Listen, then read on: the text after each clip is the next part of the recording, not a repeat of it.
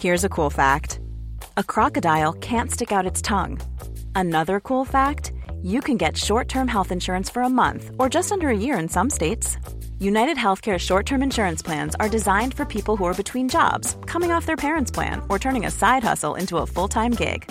Underwritten by Golden Rule Insurance Company, they offer flexible, budget friendly coverage with access to a nationwide network of doctors and hospitals. Get more cool facts about United Healthcare short term plans at uh1.com. Hey, it's Ryan Reynolds, and I'm here with Keith, co star of my upcoming film, If, only in theaters, May 17th. Do you want to tell people the big news?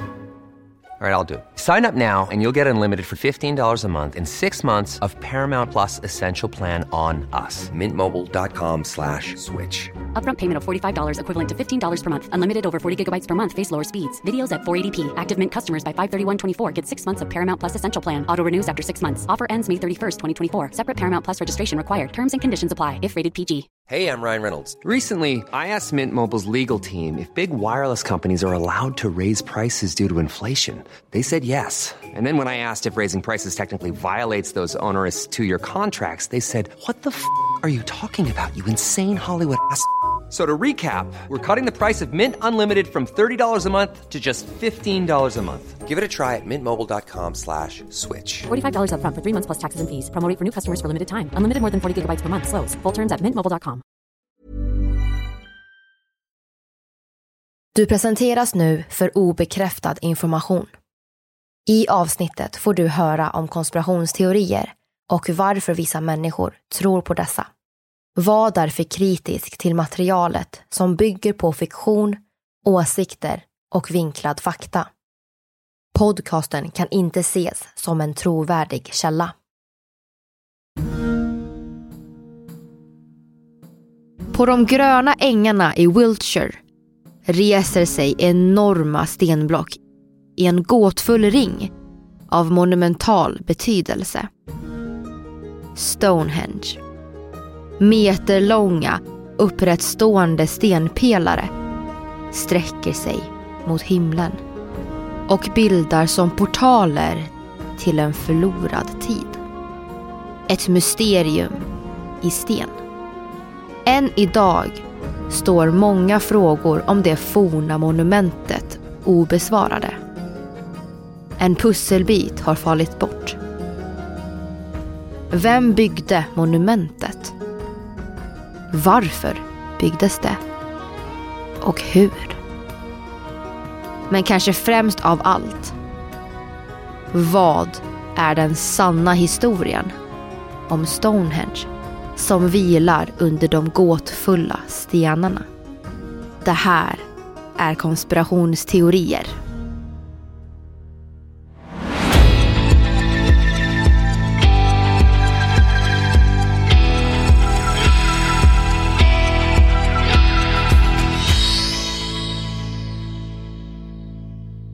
Hej alla lyssnare! Innan avsnittet börjar så vill vi berätta att vi har skaffat Patreon. Och precis som vanligt så heter vi konspirationsteorier. Framöver så kommer vi att erbjuda försläpp och man kommer även kunna ta del av helt exklusiva avsnitt. Så håll utkik på Patreon framöver. Och sist men inte minst så har vi även skaffat en Youtube och Precis som vanligt så heter vi konspirationsteorier.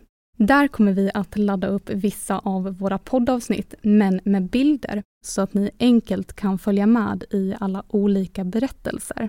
Första videon om tidsresenärer finns ute nu, så följ länken i avsnittsbeskrivningen eller så klickar ni in på våra sociala medier så hittar ni den där.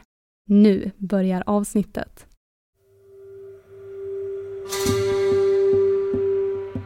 i det förtrollande landskapet Wiltshire. Ungefär 15 mil från London reser sig ett monument som bär på ett av världens mest fängslande mysterier. Stonehenge, de hängande stenarna. Varje sten bär på en berättelse och tar oss tillbaka till en tid av myter, magi och gåtfulla krafter. Exakt hur detta monument byggs är en gåta. Men det kan inte ha varit en enkel uppgift.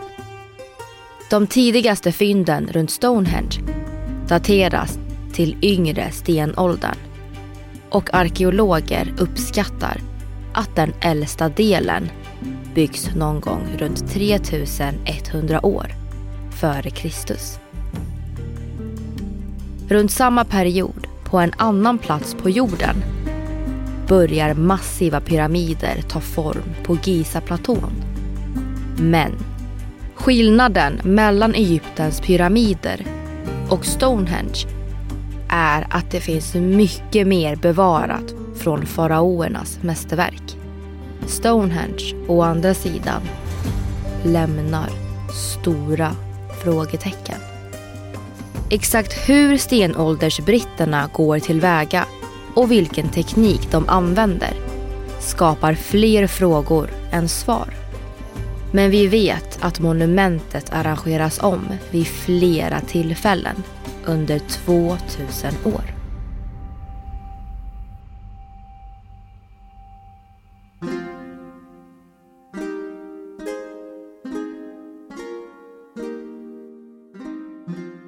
De forntida engelsmännen som lever runt Salisbury-slätten vid den här tiden är jägare, samlare och jordbrukare. Däremot är det inte monumentet som vi ser framför oss idag som uppförs under denna tid. Stonehenge i sin ursprungliga form kan enkelt förklaras som en cirkelformad jordvall med ett dike som öppnar sig mot soluppgången vid midsommar. Inuti cirkeln finns en mindre cirkel med 56 hål i marken runt en meter i diameter som idag kallas Aubreyhålen efter mannen som upptäcker dem. Fem av dessa 56 hål är 5000 år gamla. Syftet med dem är fortfarande oklart. Det verkar även som att hålen grävs ur och fylls på igen med tiden. Men till en början verkar det som att det står träpålar i hålen. Vilket kan innebära att de är en del av en byggnadskonstruktion i mitten av cirkeln. Stonehenge genomgår, precis som andra monument och verk, förändringar och tillägg med tiden. I monumentets andra fas tillkommer stenar av vulkaniska bergarter. Det är 80 stycken blåstenar som är upp till två meter höga och väger runt 2 till 4 ton vardera. De transporteras till Stonehenge från Craig Rossi Fellin i Presleybergen i västra Wales. En sträcka på 250 kilometer.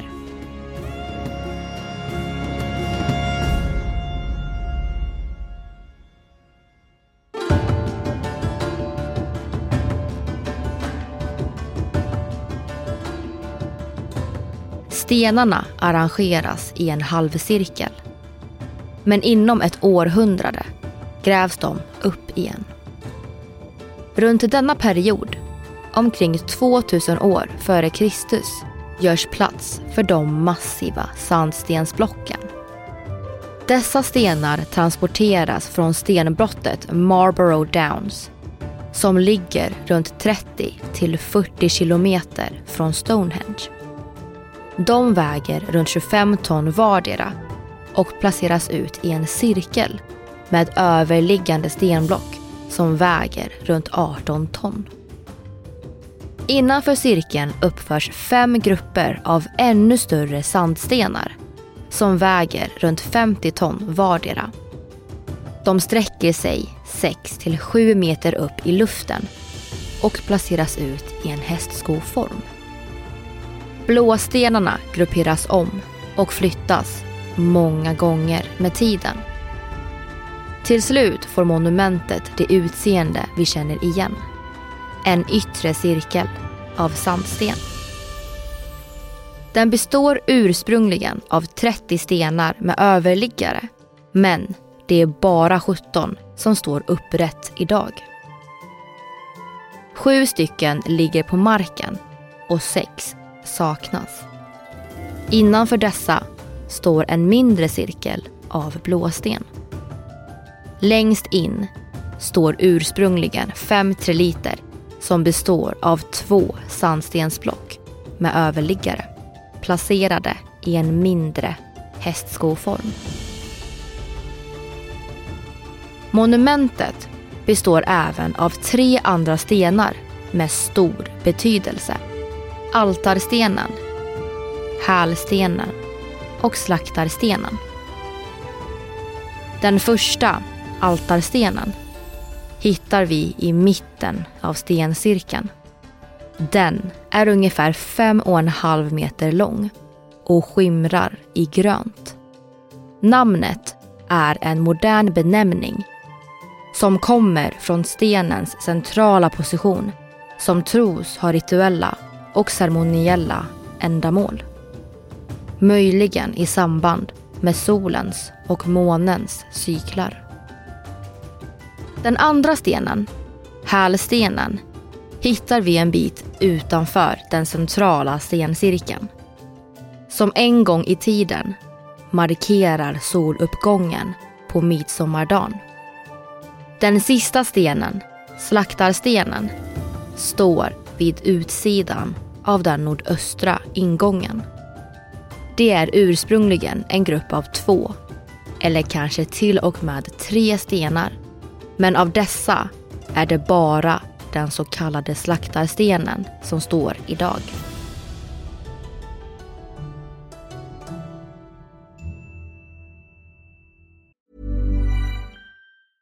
Cool fact a crocodile can't stick out its tongue. Also, you can get health insurance for a month or just under a year in some states. United Healthcare short term insurance plans, underwritten by Golden Rule Insurance Company, offer flexible, budget friendly coverage for you. Learn more at uh1.com. Many of us have those stubborn pounds that seem impossible to lose, no matter how good we eat or how hard we work out. My solution is PlushCare.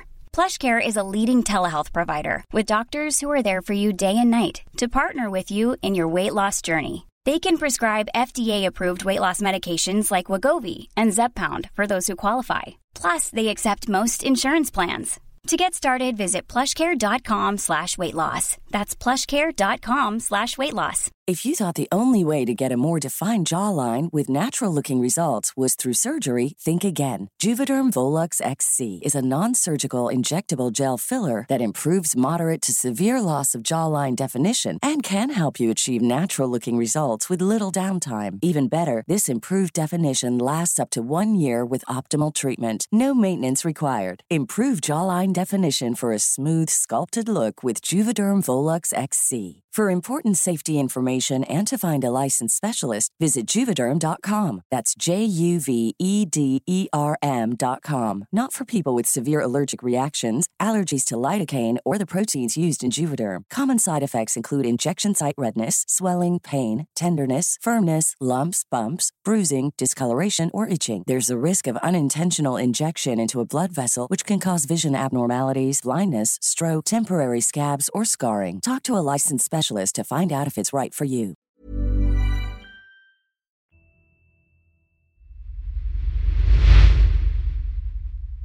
Något som jag har tänkt på är att Stonehenge i sin ursprungliga form ser väldigt annorlunda ut. Vi kan lägga upp en bild på våra sociala medier så får ni som lyssnar också titta om ni vill. Vi heter ju konspirationsteorier överallt. Men angående det här så tycker jag att det är en märklig första fas. För vanligtvis så är det en vall på utsidan och ett dike på insidan i en förhistorisk henge. Men här har det gjorts tvärtom, så att det är ett dike på utsidan och en vall på insidan. Och det får mig att undra varför. För att det här känns mer likt ett försvar. Exakt, och det som du beskriver är en väldigt vanlig försvarsstruktur som användes förr i många forntida befästningar som till exempel fort och slott. Och jag har för mig att det kallas för en dubbelringad borg och att det var väldigt populärt under medeltiden. Mhm. Men angående din fråga kring varför så är de exakta skälen till varför vissa monument har det på det sättet inte alltid klara. Så det finns faktiskt väldigt mycket utrymme för tolkning och även spekulation. Mm. Och en spekulation är att det dike som byggdes för Stonehenge kan haft en symbolisk eller rituell betydelse och att det faktiskt kan ha fungerat som en markerad gräns eller en avgränsning för platsen. Sen vet jag inte vad för ritualer som hölls och vad för symbolik och sådär de höll på med.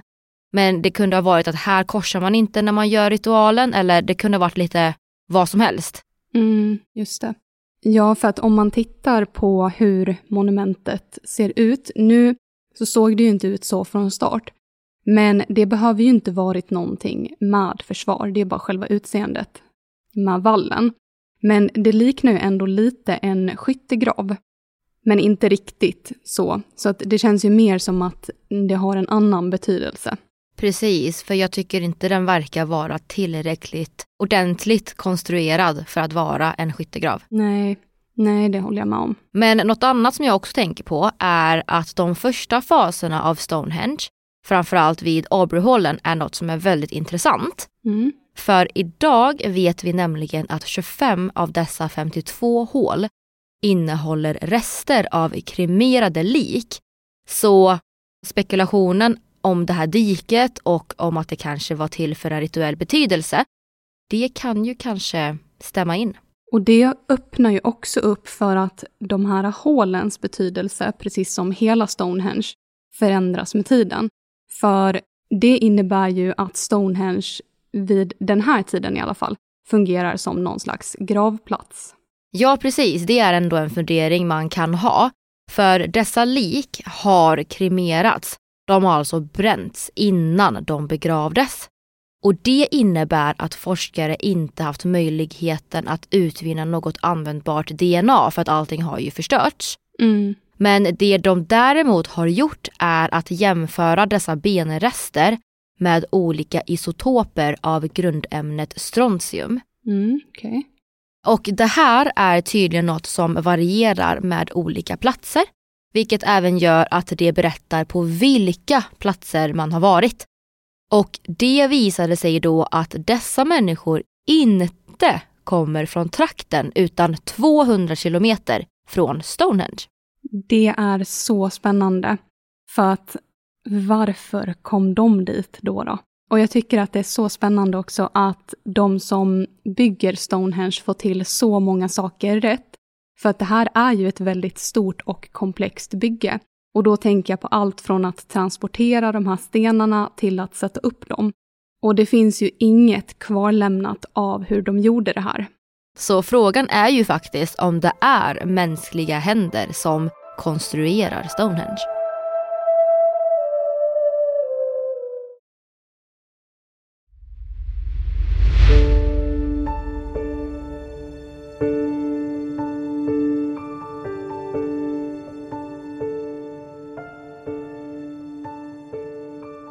Det finns en medeltida folksaga som flätar samman trollkaren Merlin och Stonehenge. Denna saga är långt ifrån en myt. Under en tid ses denna fängslande berättelse som en levande verklighet. Om ni känner igen namnet Merlin från kung Arthurs sagor så har ni redan en fot i denna mystiska värld. Enligt legenden är det trollkaren Merlin som bygger Stonehenge. Som ett monument som korsar gränsen mellan magi och verklighet. Sägnen berättar om magiska stenar med helande krafter som ursprungligen finns i Afrika. De väldiga stenblocken flyttas av jättar över det vidsträckta havet till Irland och formas till ett gåtfullt monument som kallas jättedansen. Legenden fortsätter med en expedition mot det okända. När trollkaren kallar till sig en imponerande grupp män och beger sig västerut mot Irland.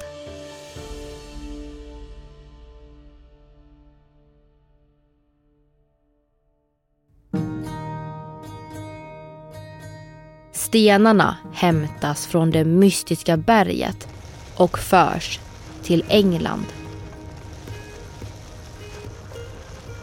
Ett segerfirande och en hyllning till de fallna efter det blodiga slaget vid Amesbury. Flyttas de jättelika stenarna tillbaka till England och med jättarnas hjälp reser sig sten för sten till ett monument av mystik och magi. Även om sagor och fakta är helt olika saker så kan myter innehålla spår av sanning.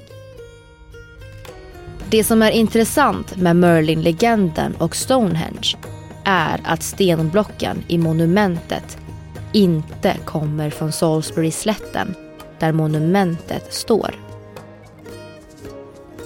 De massiva sandstensblocken transporterades till Stonehenge från ett relativt lokalt område. Stenbrottet Marlborough Downs som ligger runt 30 till 40 kilometer norr om Stonehenge.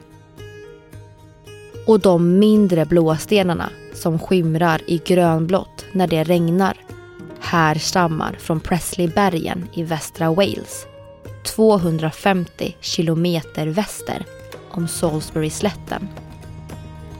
Så även om sagor och fakta är helt olika saker så kommer faktiskt blåstenen västerifrån. Precis som legenden om Merlin berättar. Merlins magi ger en enkel förklaring på hur de imponerande stenarna kommer på plats. Men i en värld utan magi blir det lite svårare.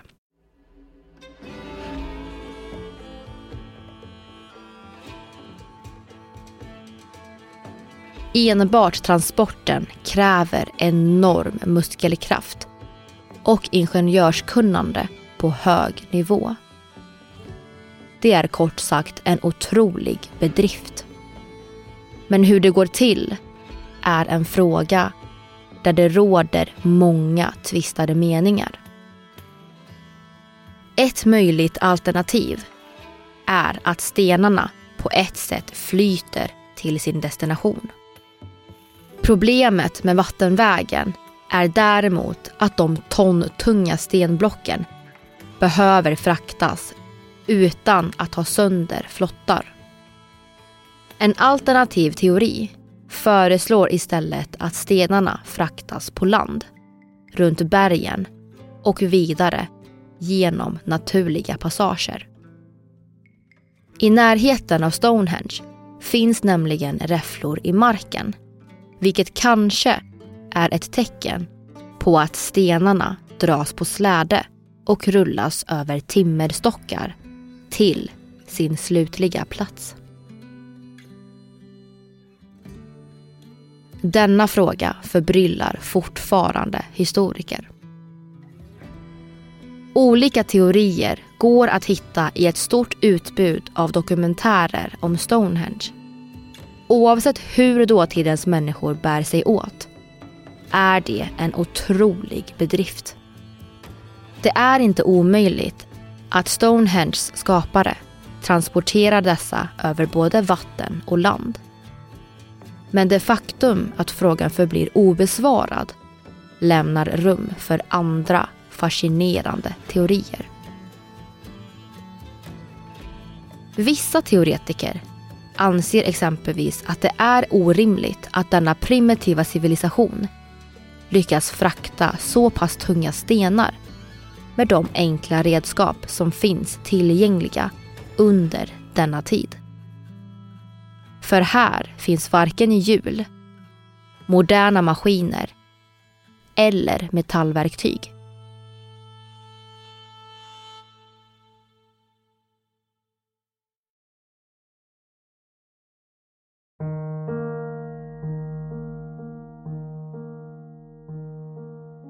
Det finns frågetecken om sandstensblocken som väger mellan 50 och 70 ton ens går att transportera över vatten eller ens på stockar på land.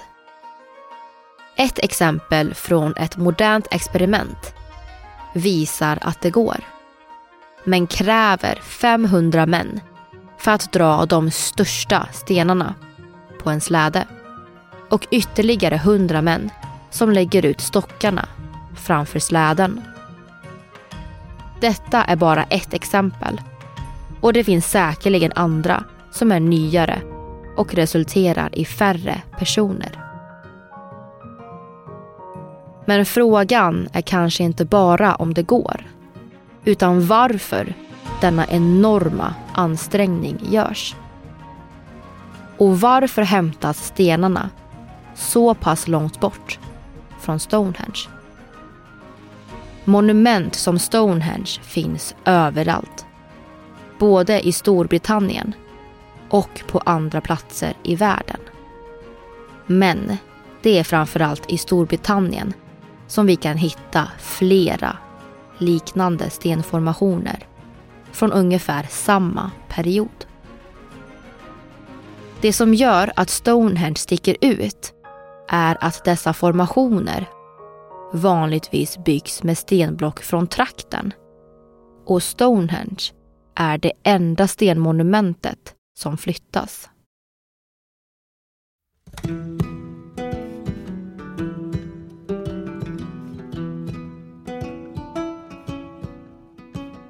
Till detta mysterium ska det berättas att Stonehenge tidigare står på en annan plats. År 2014 hittas rester av hasselnötsskal runt en eldgrop. Dessa rester hittas på platsen där blåstenen bryts. I stenbrottet vid Craig Rossi Fellin i Presleybergen i västra Wales.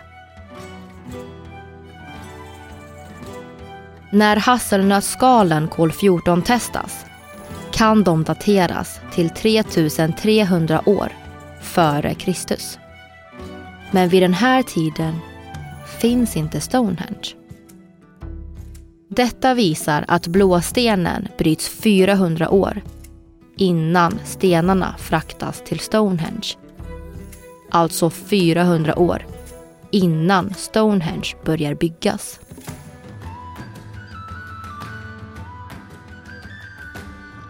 Även om 400 år möjliggör transporten av stenarna så låter det inte rimligt att anta att det tar så lång tid för stenarna att fraktas till Salisbury-slätten. Det innebär att vi har en lucka i tidslinjen. Arkeologer kommer fram till att blåstenarna först står i bergen i Wales. Vid Warnmon hittas tecken och bevis på stenhål i marken, men inga stenar. Anledningen är att de nu står i Stonehenge. Den ursprungliga stencirkeln i Warnmon har en diameter på 110 meter. En siffra som stämmer bra överens med Stonehenges ytterring. Den är, likt Stonehenge, riktad mot viktiga tidpunkter. Stenhålen i marken visar att stenarna en gång markerat viktiga ändpunkter. Sommar och vintersolstånd. Man kan även se att två stenar i Warnmon en gång är vridna 90 grader som bildar ett sikte mot den punkt där midsommarsolen stiger upp för ungefär 5000 år sedan.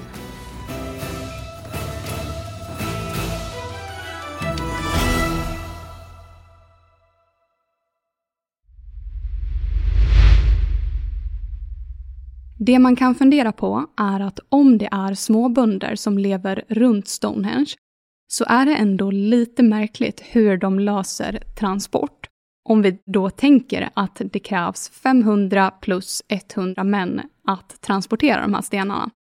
För vi kan ju inte heller tänka att saker bara går att lösa genom samarbete om det inte är så att det finns tillräckligt med människor som kan samarbeta.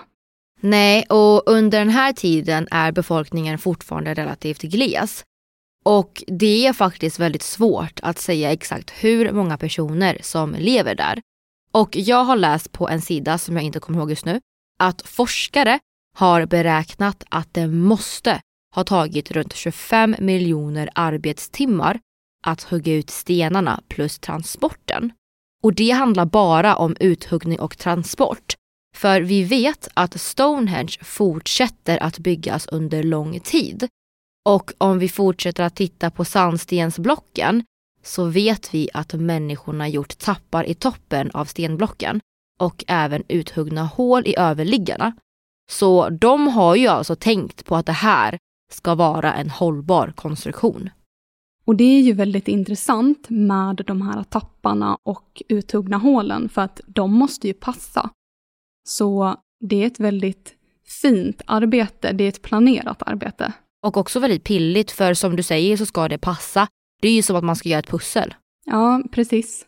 Men något som också är intressant i det här är att stenarna har flyttats som Merlin-legenden säger. Och enligt Merlin-legenden så flyttas stenarna från Afrika till Irland och formar ett monument som kallas Jättedansen.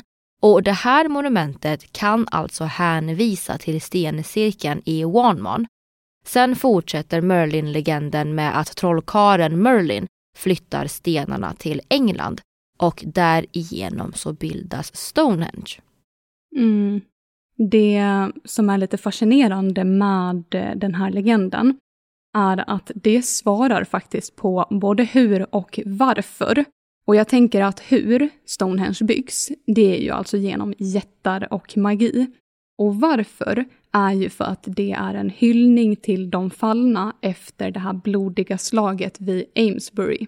Mm. Och det sägs dessutom att Merlin växer upp i närheten av Stonehenge och han är dessutom starkt förknippad med druider, det vill säga keltiska präster.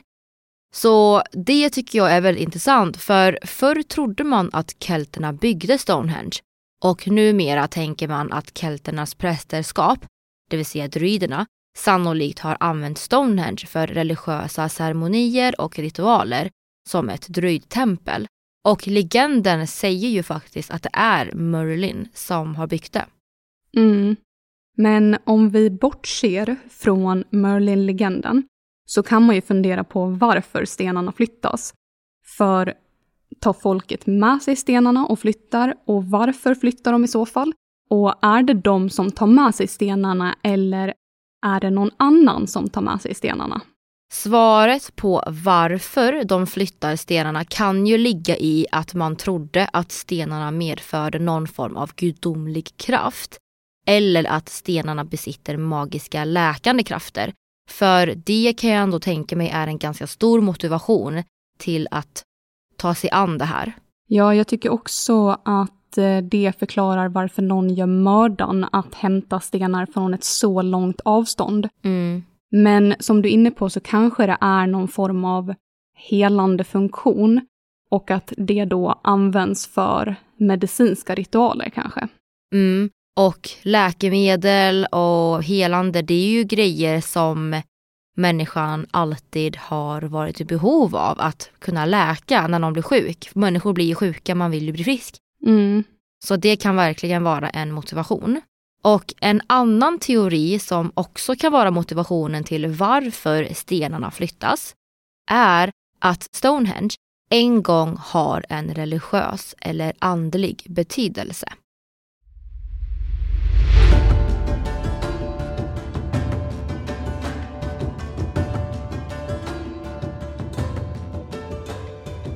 Magiska krafter, energier och helande är något som inte alltid går i linje med vetenskapliga bevis. Men det kanske är svaret på gåtan om Stonehenge.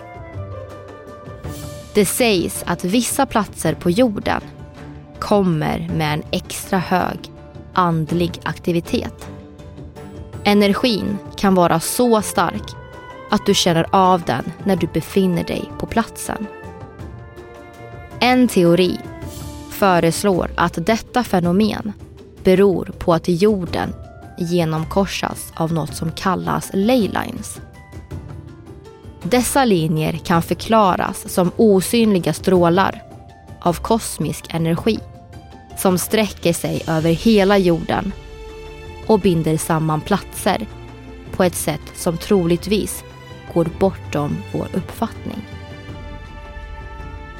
Tänk dig att varje linje är som en osynlig tråd. Varje enskild tråd påverkar energiflöden och kommer med mystiska eller spirituella egenskaper. Det kan handla om forna monument, helgedomar och andra platser av spirituell eller mystisk betydelse. Som exempelvis Stonehenge. Det tros att denna plats korsas av 14 linjer. Om det här stämmer så öppnar det upp för helt nya dimensioner av Stonehenge. Det kanske inte bara är ett monument av en primitiv civilisation vars syfte är ett gravkomplex eller en byggnadskonstruktion. Monumentet kanske är en form av energiportal. Vi kan anta att 14 linjer medför en otroligt stark andlig kraft. Ett sätt att se på det är kanske som en antenn som fångar upp och förstärker kraften. Om denna kraft är något som dåtidens civilisation känner av så besvarar det definitivt frågan varför Stonehenge uppförs just där.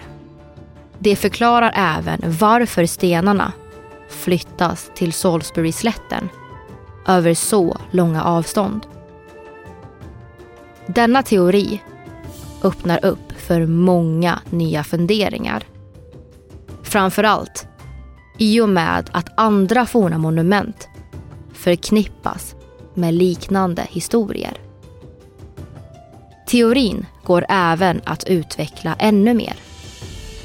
För det påstås även att det går vattenströmmar under Stonehenge. Dessa vattenströmmar i kombination med de osynliga energistrålarna skapar ett magnetiskt fält. Energin runt Stonehenge blir därmed ännu mer kraftfull. En teori bland både historiker och teoretiker är att Stonehenge är en plats dit människor vallfärdar. Kanske för att bli botad från fysiska problem. Eller för att passera genom dess portar till det liv som kommer efter. Det sägs även att blåstenen är extra speciell. Det tros nämligen att dåtidens människor anser att den kommer med speciella helande egenskaper. Ligger svaret i Stonehenges unika atmosfär i kombinationen av dessa energifyllda linjer, de kraftfulla vattenströmmarna och blåstenarnas helande egenskaper. Även om du kanske inte tror på denna teori så går det inte att förneka att det ger Stonehenge en extra dimension av mystik. Vare sig det handlar om magi eller inte.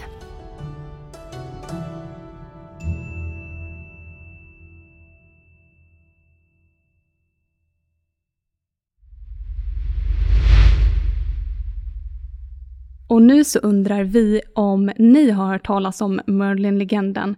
För jag till exempel har bara sett Merlin på TV. Mm. Och något annat som vi också undrar över är vad ni tror att syftet med att frakta stenarna till Stonehenge var. Kunde det ha varit att de kanske hade helande krafter eller en religiös betydelse? Vad tror ni om det? Om ni lyssnar på Spotify så kan ni ju svara i avsnittet.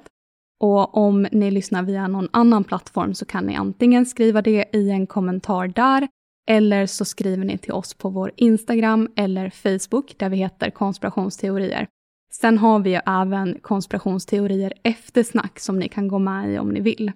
Och även en TikTok där vi heter Vivi och Aida och Vivi stavas V-I-V-I.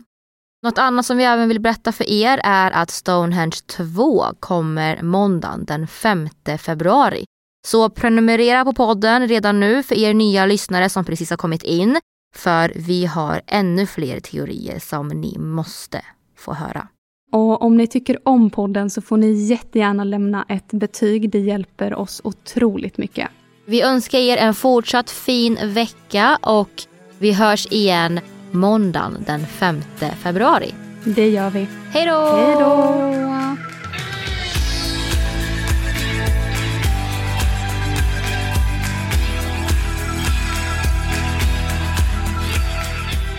Du har lyssnat på konspirationsteorier, en produktion av We Tell Stories. Programmet gjordes vintern 2024. Vi som har gjort programmet heter Vivian Lee och Aida Engvall. Källorna till dagens avsnitt hittar du via våra sociala medier, konspirationsteorier på Facebook och Instagram. Där kan du även lämna tips och önskemål på teorier som du vill höra i podden.